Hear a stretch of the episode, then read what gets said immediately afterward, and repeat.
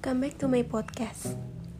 Podcast kali ini gue mau cerita tentang satu hal yang mungkin beberapa orang dari kita atau mungkin termasuk kita sometimes menganggap ini sepele atau mungkin kita nggak sadar kalau kita termasuk orang kayak gini.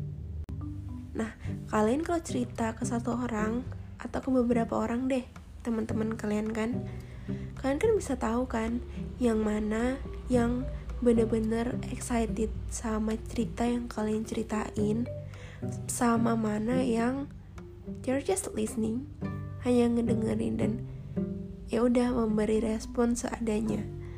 Sebenarnya nggak ada salahnya dia tetap mendengarkan dan memberi respon at least. Tapi tentu kita sebagai yang memberikan cerita atau bercerita pasti bakal lebih seneng kan sama yang benar-benar ngedengerin dan memberi uh, respon yang kelihatan banget kalau care sama cerita yang kita ceritain gitu.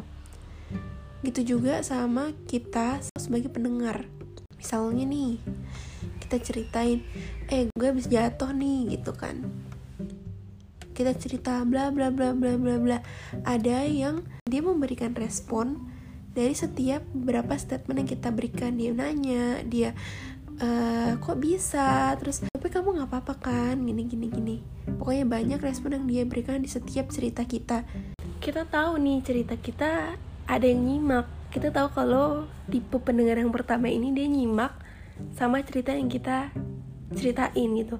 Dia excited ngedengerin dan care sama apa yang terjadi ke kita dari cerita yang kita ceritain tersebut.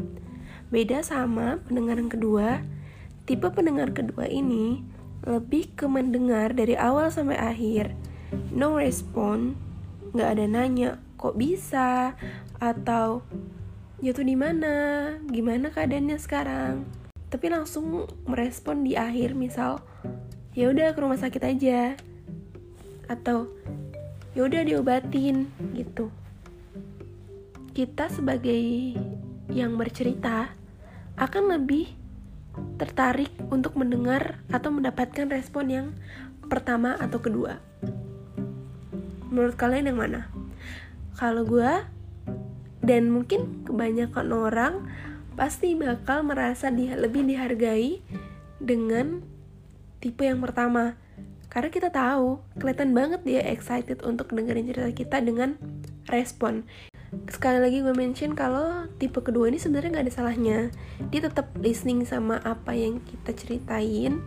Tapi balik lagi kita tahu gimana respon terhadap kedua tipe pendengar ini kalau kita sebagai orang yang bercerita benar? Sekarang pertanyaannya kalian mau jadi tipe yang mana? Sekian podcast kali ini. Thank you